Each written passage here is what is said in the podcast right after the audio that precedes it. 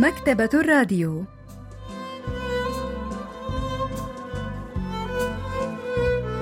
أهلا وسهلا بكم في حلقة جديدة من البرنامج الأسبوعي مكتبة الراديو الذي نستعرض من خلاله كتابا جديدا كل أسبوع.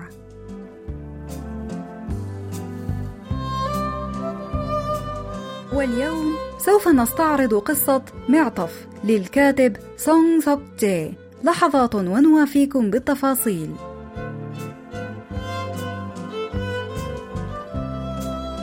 وجدت معطف أبي بينما كنت أحزم أغراضه الشخصية في المستشفى بعد وفاته.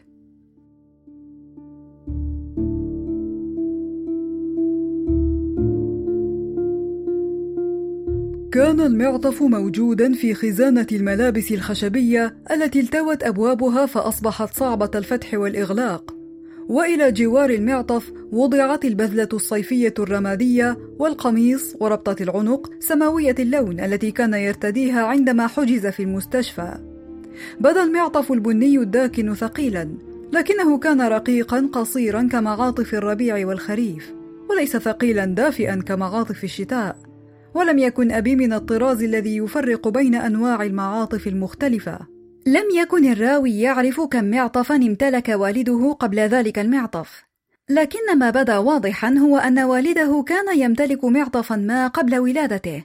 لابد أن والده قد اقتنى معطفا بمجرد أن أتيحت له الفرصة لشراء واحد. ما أعرفه على وجه اليقين هو أن والدي كان دائما يرتدي معطفا. لا لم يكن يرتديه بل كان يعيش داخله. نشرت قصة معطف عام 2011 وتبدأ القصة بمشهد الراوي الذي وجد معطفا في الخزانة الصغيرة الموجودة بجوار سرير والده بالمستشفى بعدما توفي متأثرا بسرطان الكلى.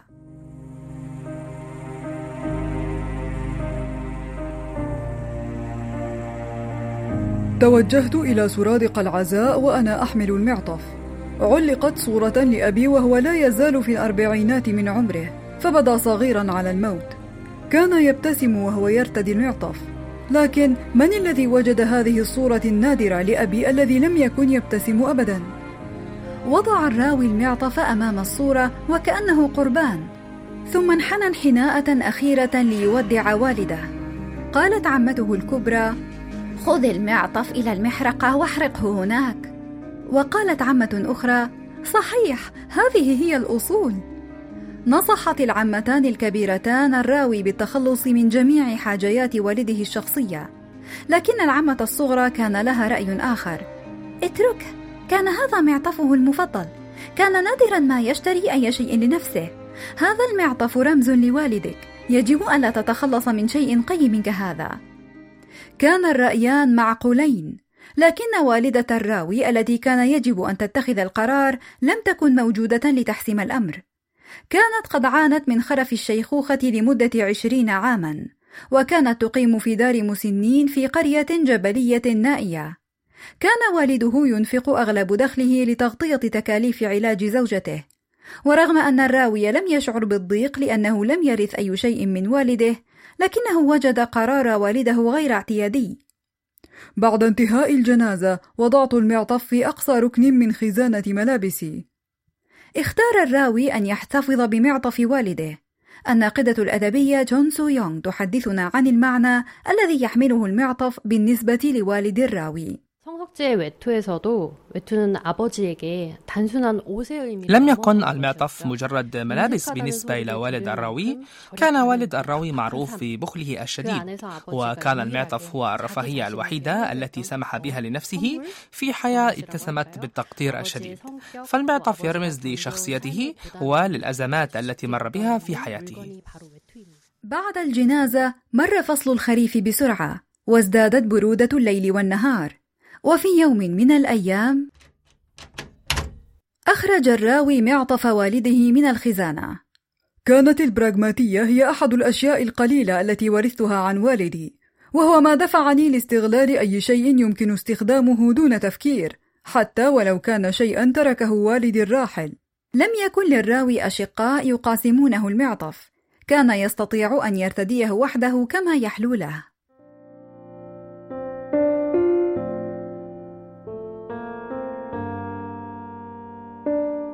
لا تزال جينات والدي موجودة في العالم رغم موته لأنه ورثها لي. عندما ارتديت معطف والدي شعرت أنني لمحت بعض المشاهد من حياته وأفكاره. لم أكن أريد أن أعترف بهذا لكنني كنت أحب والدي. أحببت ذلك الرجل الذي كان يكرس نفسه لزوجته فقط رغم أنه كان مسؤولا عن تربية ابن. لكن المعطف كان غريبا إلى حد ما. كان مقطوعا عند الأكمام. وكانت مئات الخيوط الرمادية مكشوفة ومقطوعة. فكرت أن أقص هذه الخيوط لكنني غيرت رأيي وقررت أن أتركها كما هي. فقد كانت هذه الخيوط جزءا من المواد التي تكون المعطف وشعرت أن طبيعة المعطف سوف تتغير إذا قصصتها. أدخلت الخيوط في البطانة بحرص ثم خضتها كي أرتدي المعطف. عندما ارتديته وجدت قياسه مناسبا تماما. فهمت حينها الشعور الذي يشعر به الرجل حين يحمل جسد والده أو والدته الضعيف المنكمش على ظهره. 자녀가 부모의 삶을 헤아리게 되는 순간은 항상 조금 늦게 오는 것 같아요. 이를테면 부모님의 외투가 내 몸과 마음에 غالبا ما يفهم الناس حياة والديهم في وقت متأخر عندما تصبح معاطفهم القديمة مناسبة لنا نبدأ في فهم آبائنا وأمهاتنا وكيف تعايشوا مع حياتهم الصعبة وراوي القصة هو رجل يجد نفسه في هذا الموقف ويبدو أنه لم يكن قريب من والده فالقصة لا تعرض لنا أي ذكرى لمحادثات أجراها مع والده أو مواقف وتجارب اختبرها معا. بل ترينا كيف بدأ الراوي في فهم والده بعدما توفي بالفعل وهو يتأمل معطفه. والقصة تستعرض إدراك الراوي لحبه العميق لوالده من خلال وصف المعطف بشكل تفصيلي دقيق. ارتدى الراوي معطف والده وخرج. شعر بغرابة ارتداء معطف قديم الطراز كذلك المعطف في البداية. لكنه استرخى حين وجد أن أحدا لا يلقي له بالا.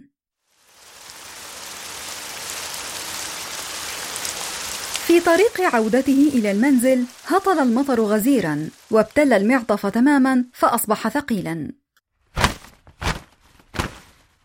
لم يكن خلع المعطف المبتل سهلا لكنه نجح في خلعه أخيرا وعلقه ليجف. بدا له المعطف حيويا مليئا بالطاقة وهو يجف لسبب غير مفهوم.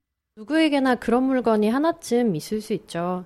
늘 가지고 있다 보니까. الكثير من الناس يمتلك بعض الأشياء المفضلة التي استخدمها كثيرا لوقت طويل حتى أصبحت تشبه أصحابها إلى حد كبير وكان المعطف هكذا بالنسبة لوالد الراوي فقد كان يعيش داخل المعطف طبقا لما قاله الراوي ولذلك كان يشعر أن المعطف يحمل الكثير من جينات والده نفسها وقد وصف الراوي في القصة كرجل جامد لا يجيد يريد التعبير عن نفسه ومشاعره. ولهذا كان مشهد ارتداء معطف والده مؤثرا إلى حد كبير. فلقد كان يحب والده رغم أنه لم يكن يريد أن يعترف بهذا لكن لم يكن يستطيع أن يفهمه رغم ذلك. وقد شعر برغبة في فهم والده الراحل وكيف عاش حياته. ولهذا ارتدى معطف والده القديم. عندما جف المعطف لم يعده الراوي إلى الخزانة بل علقه على علاقة ملابس احتوت على عشرين قطعة أخرى من الملابس. وفي تلك الليلة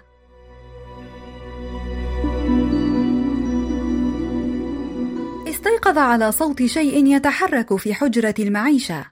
فكر الراوي أنه قد يكون لصا فتسلل إلى حجرة المعيشة في هدوء قبل أن يفتح النور. لم يكن هناك أي أثر لأي شخص. لكنه شعر أن أحدهم زار المكان. كان الباب مقفلا بإحكام ولم يكن هناك أي مكان يسمح باختباء أي شخص في الحجرة الضيقة. عندما كنت في طريقي إلى غرفتي لاحظت المعطف المعلق. لقد انقطعت الخيوط مجددا.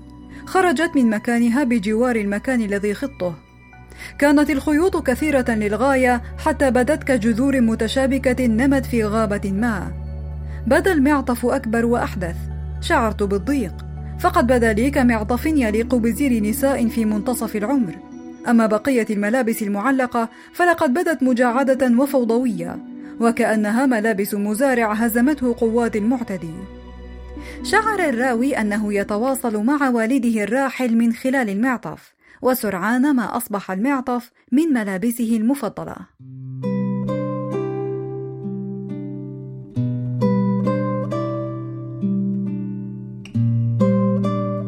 رفعت حرارة المكواة إلى الحد الأقصى ثم قمت بكي المعطف مركزا على الخيوط. صدرت رائحة كريهة من الخيوط المحترقة. بعد انتهاء الكي بدا المعطف أنيقا. عندما ارتديت المعطف في الخارج شعرت بالفخر والانتصار. بل شعرت أنني أفهم إحساس النبيل الذي ينظر بتعال للعامة الذين يرتدون الأسمال البالية. الآن فهمت لما كان أبي يحب هذا المعطف ويرتديه طوال الوقت. صرت أرتدي المعطف بشكل متكرر وبدت الملابس الأخرى بجانبه رثة بالية. أما المعطف فظل متماسكا لامعا كأوراق البنكنوت المطبوعة حديثا ولم يعد في حاجة إلى الكي. أما الخيوط فبدت كشعيرات فضية على رأس رجل عجوز كان حيويا في شبابه. كنت أشعر بالغرور أحيانا لكنني كنت مفتونا تماما بالمعطف. وذات يوم شتوي ارتدى الراوي المعطف وقاد سيارته حتى دار المسنين الذي تسكن فيه والدته.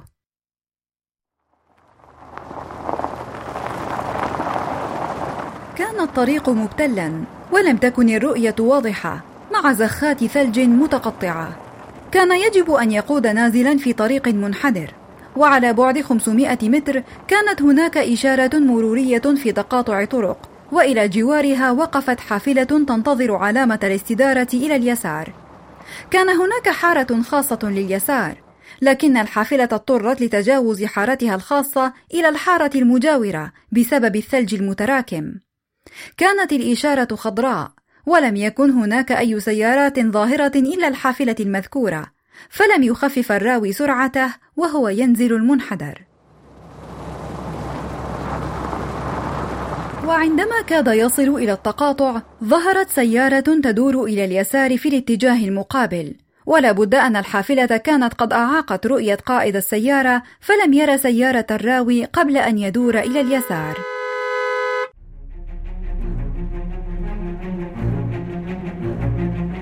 ضغطت بقدمي على المكابح. لكن الطريق كان زلقا بسبب الثلوج الذائبة. إذا ضغطت على المكابح أكثر فسوف تنقلب السيارة بعد أن تصطدم بالحافلة أو السور. وإذا واصلت القيادة فلا مفر من أن أصطدم بمقعد ركاب السيارة التي تدور إلى اليسار. وفي هذه الحالة ستصاب السيدة العجوز التي ترتدي معطفا أحمر وقد صبغت شعرها باللون البني والتي تجلس في ذلك المقعد بجروح قاتلة. إذا اصطدمت بمقدمة السيارة فسوف أصاب وتتلف سيارتي، لكن حزام الأمان والوسادات الهوائية ستخفف من خطورة الصدمة، لكنني يجب أن أحاول تجنب الحادث. كل هذا استغرق أقل من ثانية. كان نظام إغلاق المكابح الآلي يرتجف تحت قدمي. لم أكن قد ضغطت فجأة على المكابح بهذه القوة من قبل في حياتي. فكان رد الفعل عنيفا. بذلت كل جهدي لإيقاف سيارتي. بدأ أنه لا مفر من الحادث. وفي تلك اللحظة حدثت معجزة. فلقد تحركت عجلة القيادة إلى اليسار بشكل سريع سلس دون تدخل مني قبل أن تعود إلى وضعها الأصلي. وبفضل هذه المعجزة التي لا يمكن تفسيرها استطعت تفادي الصدام المحتوم بأعجوبة. فنجت السيارتان من حادث محقق.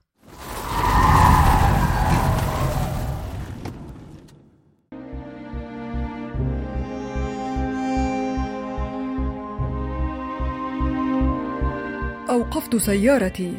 كان قلبي يخفق بقوة. شعرت أن مخي قد انفصل عن رأسي وأن النجوم كانت تلمع بينهما. لقد نجوت من حادث محقق بأعجوبة. كان من الممكن أن أصاب إصابات بليغة لكن لم يحدث لي شيء. من حرك يدي في تلك اللحظة الفاصلة لأتفادى الحادث؟ من منع السيارة من الانقلاب والتصادم عن طريق تحريك عجلة القيادة بسرعة بالقدر المناسب تماما حركة دقيقة محسوبة وكأن آلة ما قد خططتها. من فعلها؟ نظرت حولي. نظرت فوقي إلى السماء. ثم نظرت إلى الحقل البعيد. وجدت نفسي محاطا بمعطف والدي. كان الجزء السفلي منه ملفوفا حول رجلي وركبتي بينما أقفلت أكمامه على ذراعي. كانت الخيوط البيضاء تحيط بجسدي كله شعر الراوي أن معطف والده أنقذه البروفيسور بانغ مين هو أستاذ الأدب الكوري بجامعة سيول الوطنية يحدثنا عن ذلك 아버지가 나를 살려준 것이다. 아버지가 나를 보호해 준 것이다. يظن الراوي أن والده قد أنقذه وأنه يحميه وقد صنعت المعاطف لإبقاء أجسادنا دافئة لحمايتها من البرد ولنناقش مثالا من قصة للكاتب الروسي نيكولاي جوجل بعنوان المعطف. وتعرف روسيا بشتائها القارص البرودة وتحكي القصة عن حياة موظف حكومي متواضع الرتبة يمرض ويموت بعدما يفقد معطفه. ففقدان المعطف يرمز للبرد والوحدة والمعاناة. وقصة معطف للكاتب سونغ سوك تشي توحي لنا أن المعطف قد أنقذ الراوي من حادث سيارة خطير مركزة على معنى الحماية. أماه هذا معطف أبي. هل تتذكريه؟ لقد أنقذني اليوم. راح الراوي يحكي لوالدته القعيدة عما حدث لأكثر من ساعة. ثم أضاف إنه معطفي الآن. سيسر هذا أبي فسوف يستطيع أن يراقبني من السماء. أماه توقف الراوي عن الحديث متفاجئا وهو ينادي والدته. كانت الدموع تنهمر من عينيها وقد تركت الدموع المنهمرة آثارا قريبة من أذنيها. لم أفهم ما إذا كانت قد فهمت ما قلت أم أنه كان مجرد رد فعل نفسي.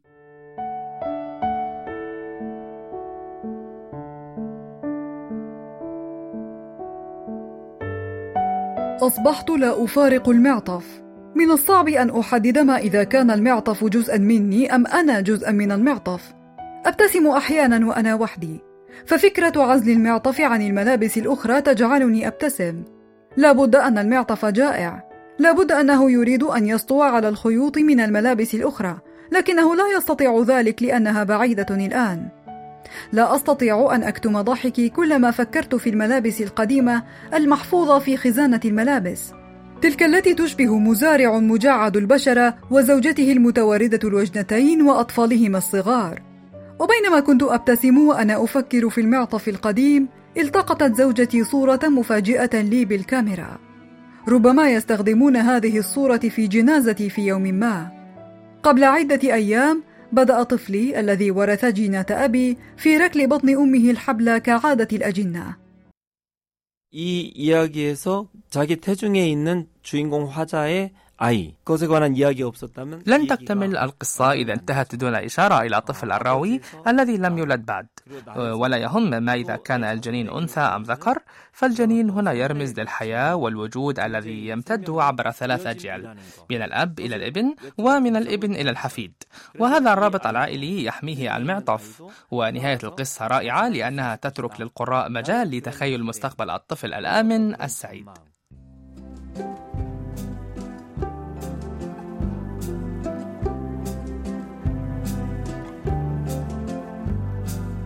استعرضنا معا قصة معطف للكاتب سونغ زوك جي وإلى اللقاء في الأسبوع القادم مع كتاب جديد ومبدع جديد.